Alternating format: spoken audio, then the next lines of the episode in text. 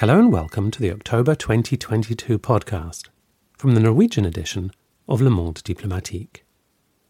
My name's George Miller, and my guest in this programme is Jamie Maxwell, who's a political journalist based in Scotland. Jamie has written a piece for this month's edition of the paper looking at how things in the UK under successive Conservative administrations have gone from bad to worse.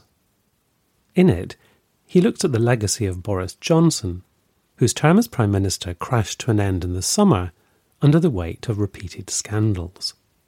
And he assesses the inheritor of Johnson's legacy, Liz Truss. Truss has been Prime Minister for little over a month, but few outside her immediate circle see her start as anything other than an unmitigated disaster. Even within her own party, all talk is of when, not if, she will be replaced.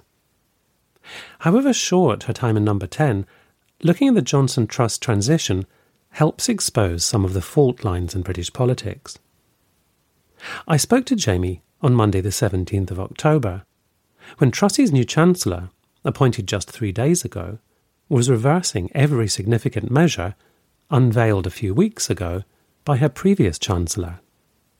With events unfolding so fast, I began by asking Jamie to contextualise where things stood at the time of recording? Well, I would say currently um, we're veering perilously close to a general election. I think we're certainly very close to the end of the of the Truss Truss administration itself. Over the course of of forty days as prime minister, Truss has lost the confidence of the of the parliamentary Conservative Party. She's lost the confidence of the of the Tory press. She's lost the confidence of the UK electorate, although it's not clear that she had that in the first place. And crucially, she's lost the confidence of the financial markets. And the remarkable thing about this situation is that much of it was, was self inflicted. It came about as a result of a, of a mini budget that Truss and her now ex Chancellor Kwasi Kwarteng announced on September 23rd, in which the government set out a series of entirely unfunded tax cuts. Tax cuts that provoked deep anxiety among lenders to the British government. That anxiety, in turn, forced down, forced up, I should say, British borrowing rates, British interest rates, and forced the value of the pound down, and prompted the Bank of England to embark on a round of bond buying, emergency bond buying, designed to restore confidence to the markets. Unfortunately for Truss and Kwarteng, the Bank of England's intervention did not work, and on October the 14th, Truss sacked Kwarteng, who was meant to be her closest political friend and confidant, and replaced him with the former Conservative Health and Foreign Secretary Jeremy Hunt. And on one hand, I think Hunt is seen as a sort of establishment centrist, someone capable of of restoring stability to the highest levels of British government. And indeed, as we speak, he's making an emergency economic statement, which will likely roll back much of the Truss Kwarteng agenda.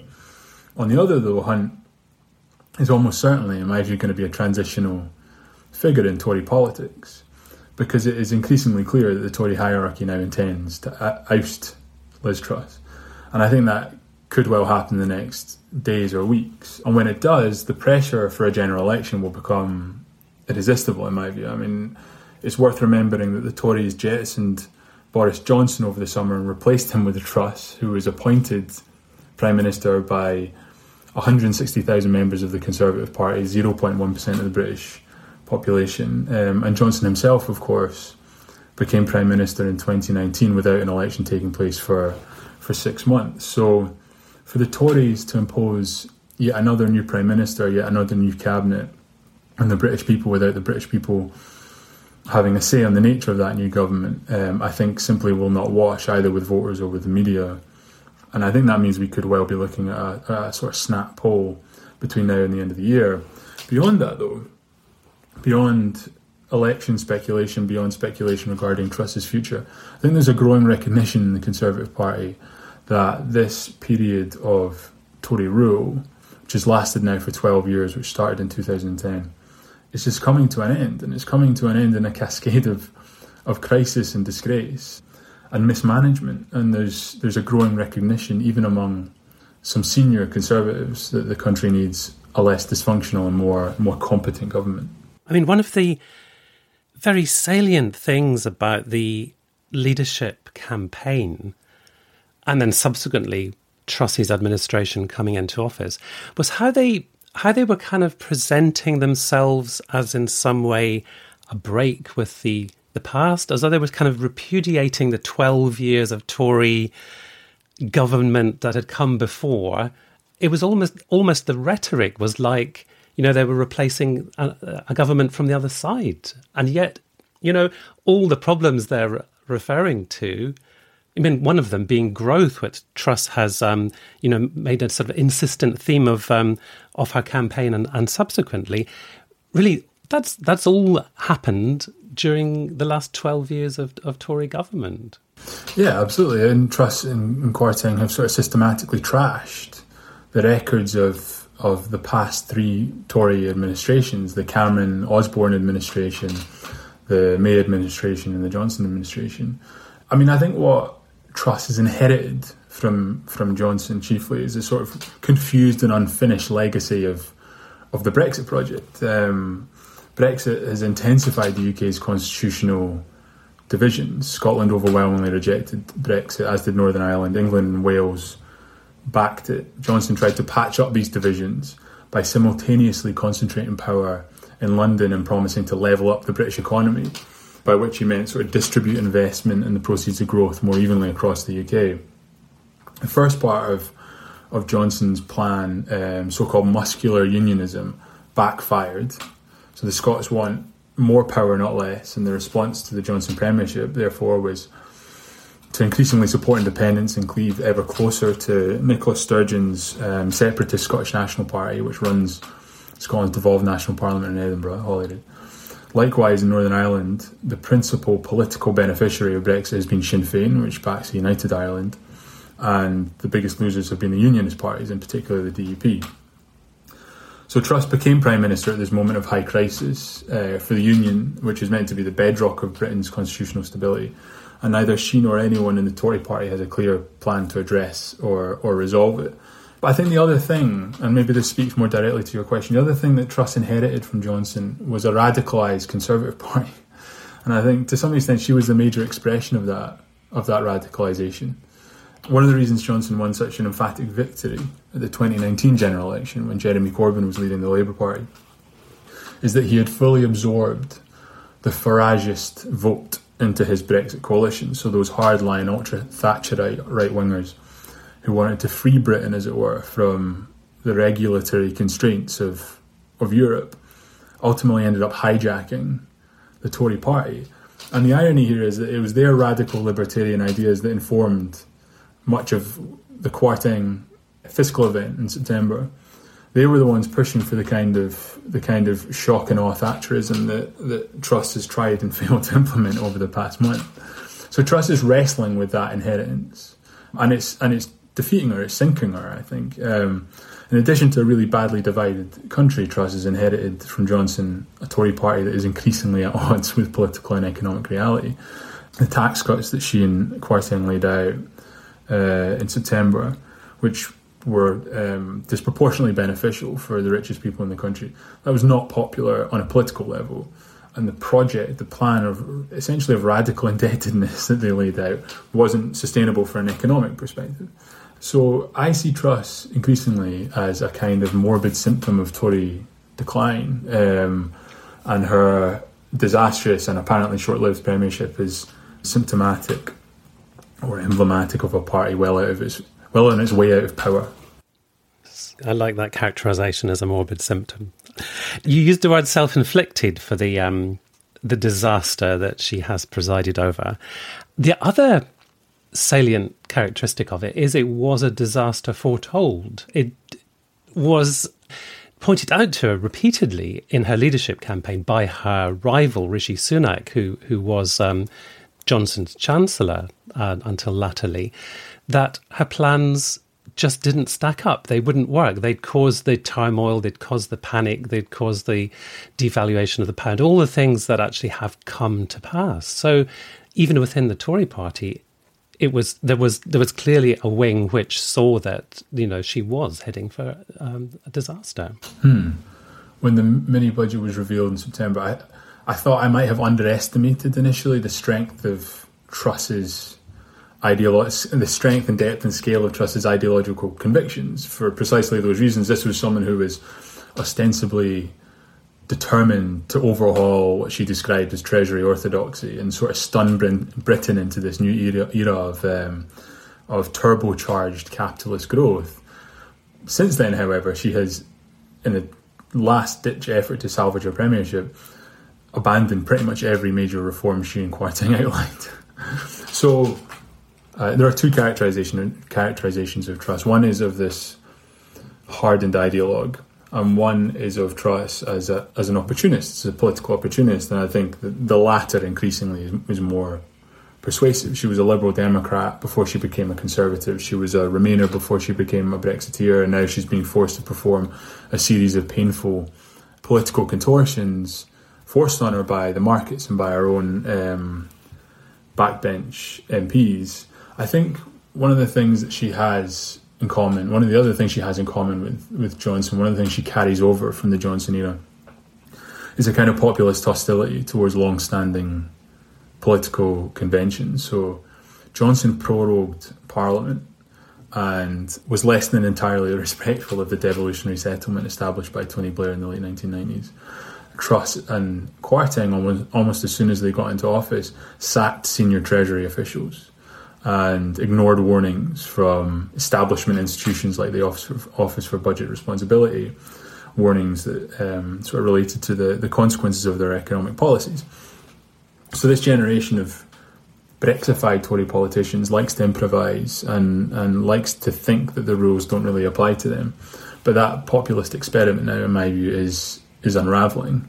And I think what we'll see going forward with the appointment of, of Hunt and Truss's looming departure is a return to a more sort of traditional mainstream, rhetorical return at least, to a more traditional mainstream form of conservatism um, that stresses sound money and, and fiscal discipline and tries to relegate the convulsions of the Brexit era to the past.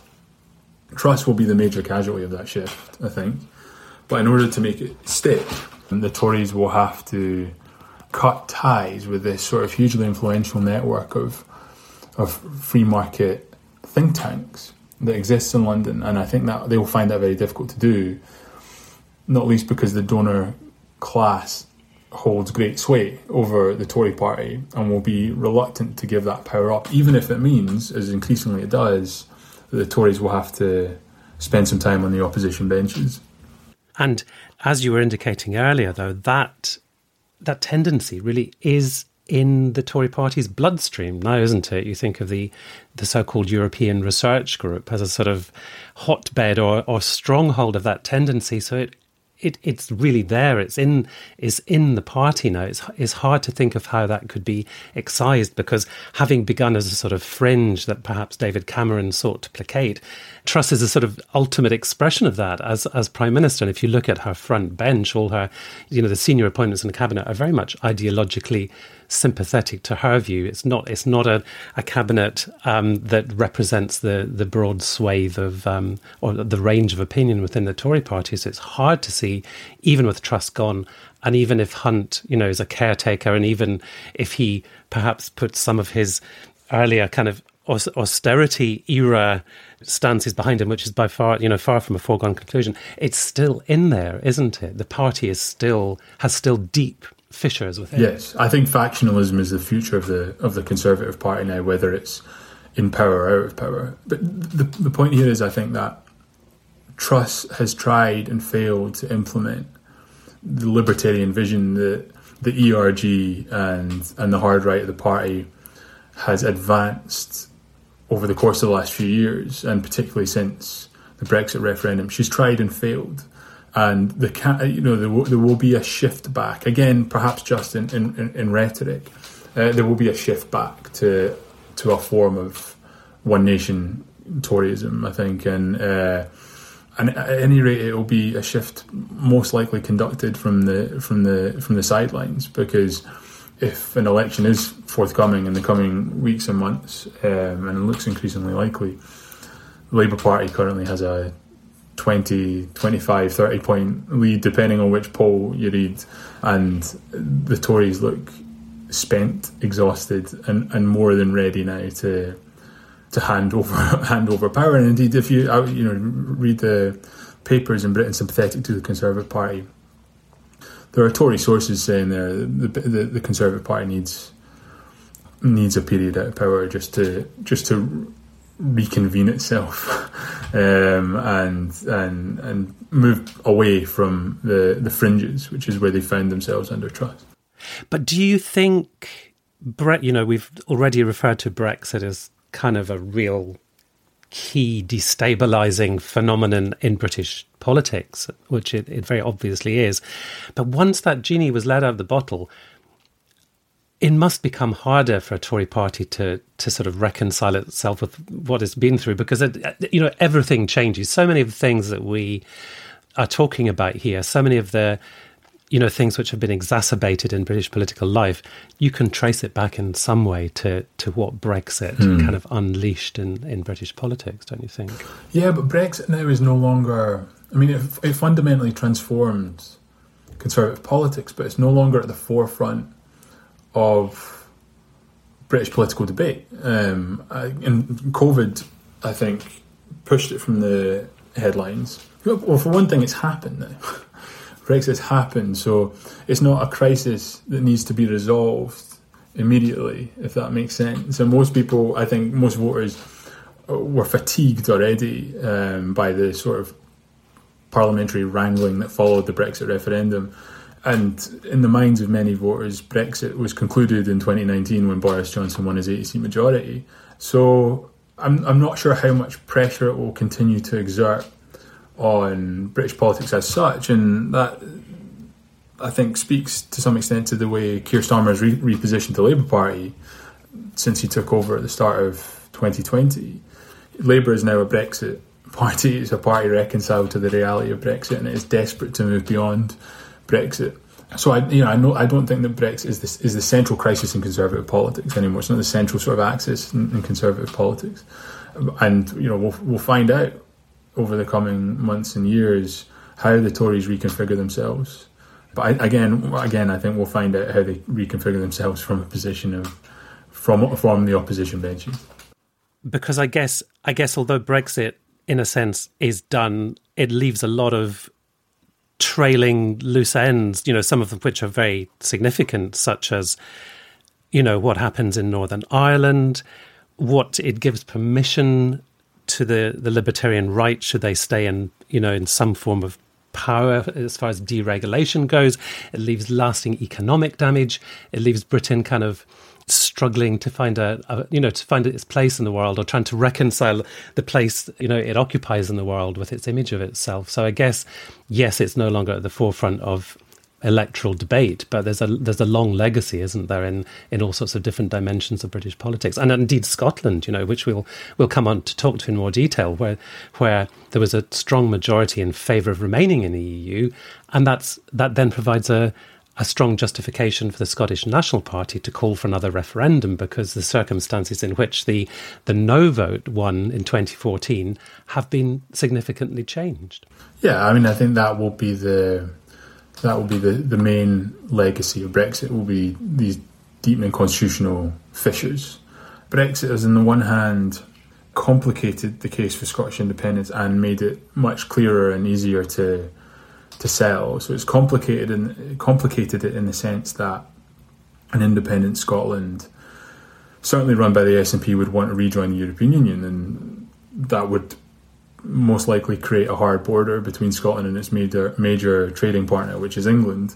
But it's it's it's emphasised and highlighted the democratic case for Scottish independence for the very obvious reason that Scots overwhelmingly rejected Brexit and yet find themselves now stripped of their European citizenship.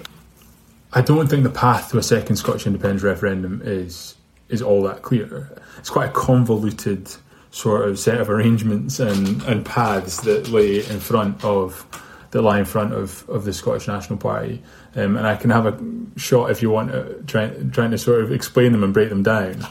Yes, I mean, do because people may be listening to this who know that there was a vote in 2014. It was a narrow vote in favour of remaining as part of the Union, and that since then, of course, the UK has left the EU, and there is building pressure. And in fact, Nicola Sturgeon, um, who leads the devolved government in Scotland for the SNP, wants to have another referendum next autumn. Is that is that roughly speaking where we where where we stand? But there are legal impediments or there are legal hurdles that she has to clear in order for that to be legitimated. No, precisely. So Nicola Sturgeon and the Scottish National Party want the UK government to agree to a, another politically binding independence referendum. An independence referendum conducted on precisely the same terms as the first referendum you just made reference to in 2014 the UK government won't do that. So Sturgeon has instead essentially invited the British Supreme Court in London to rule on the viability of an advisory poll arranged by the devolved Scottish Parliament, Holyrood in Edinburgh. However, if, as most experts expect, the British Supreme Court rules that Holyrood does not have the legal authority to stage an independence poll, Sturgeon has said that she wants to turn the next UK general election, which is slated to take place in 2024, but I think we're now all anticipating something somewhat earlier than that. Sturgeon has said she will turn that into a de facto plebiscite on independence. How she plans to do that, I don't know, because the unionist parties in Scotland, Labour, the Liberal Democrats, um, the Conservatives, won't fight that election on the SNP's terms. And even if they did, the SNP would need to win more than 50% of all votes cast in Scotland in order to claim a mandate, in quotation marks, for independence. And that's an extraordinarily difficult thing to do. Even in 2015, the UK general election in 2015, when the SNP won an almost perfect sweep of Scottish constituencies, they only just managed to secure 50% of the vote. So to outperform that historic landslide is just very, very difficult that means that the logistics of Scottish secession just now are complicated, to say the least. But they also create a strange, sort of self reinforcing dynamic. And by that I mean that the more Scots feel as though they are locked inside the United Kingdom against their will, the greater their desire to leave will become.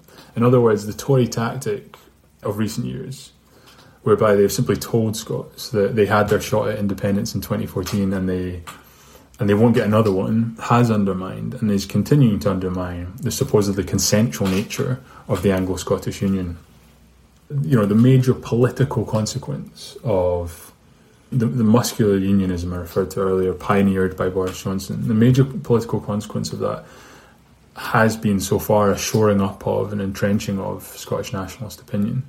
So, although there may not be another referendum in the foreseeable future, I wouldn't bank on the collapse of the independence movement. Scottish nationalism now is very much a feature of the British political landscape, and I think it will remain so for for a long time to come.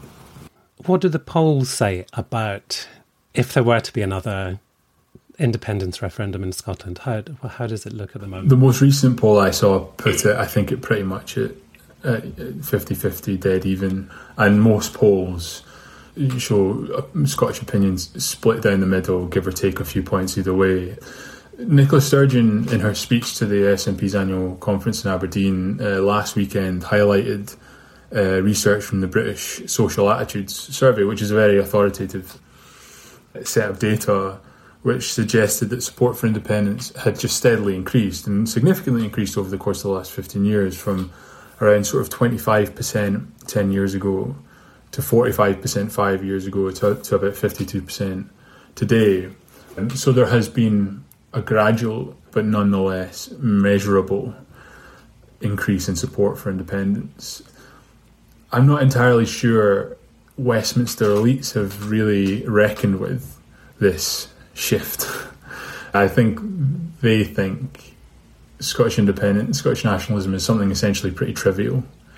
It's a passing, it's a fleeting curiosity, certainly for them. And they haven't realised that there's a generation of Scots who are growing up without knowledge of what life was like before the existence of the Scottish Parliament. A generation, I mean, the Scottish Parliament was created in 1999, so there are Scots who are in their in their 20s and 30s now who simply don't know what it's like to be directly ruled from Westminster and find the intrusions from Westminster very unnerving and unsettling and, and alien, and, and it's created a, a, a more distinctive Scottish political ecosystem over the, over that time too. So, so Scots naturally think of Scotland these days as a distinct political community, and, and Westminster hasn't quite caught on to that. Um, that might change when there's a change of leadership uh, in London.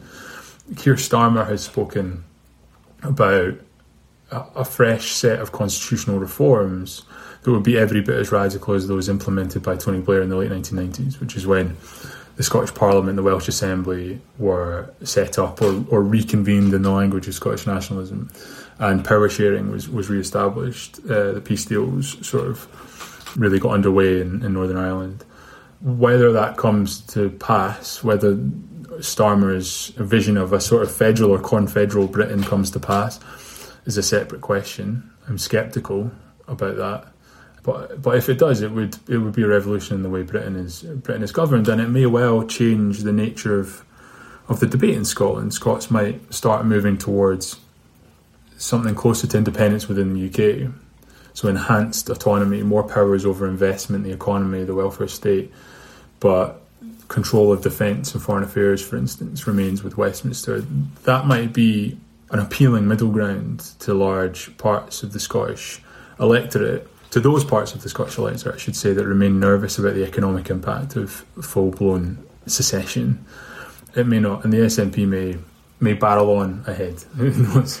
And of course, that wouldn't come with EU membership, which I guess would be an an interesting way of kind of diagnosing how important that is. How whether it's a, a useful battering ram, or whether it's actually something which a large number of Scots feel is a significant part of their identity, which has been taken from them by the way that, that England voted. I mean, what, what's your sense of that? No, absolutely. It would be it would be an interesting test of Scotland's Scotland's Europhilia. So you know how how how deeply committed is Scotland to the idea of being European, and it sets up a tension between the Britishness of Scotland and the Europeanness of Scotland.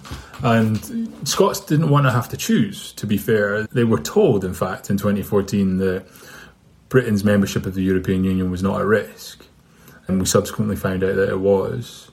And that's certainly how the SNP would like the, the debate to progress. The SNP would like Scots to leave one union and, and join or rejoin another and they they would like the opportunity to sort of move away from the idea that independence means separation, and they would like to be able to reframe independence as a, as a sort of re-entering of a broader political community rather than the breaking up of an old one.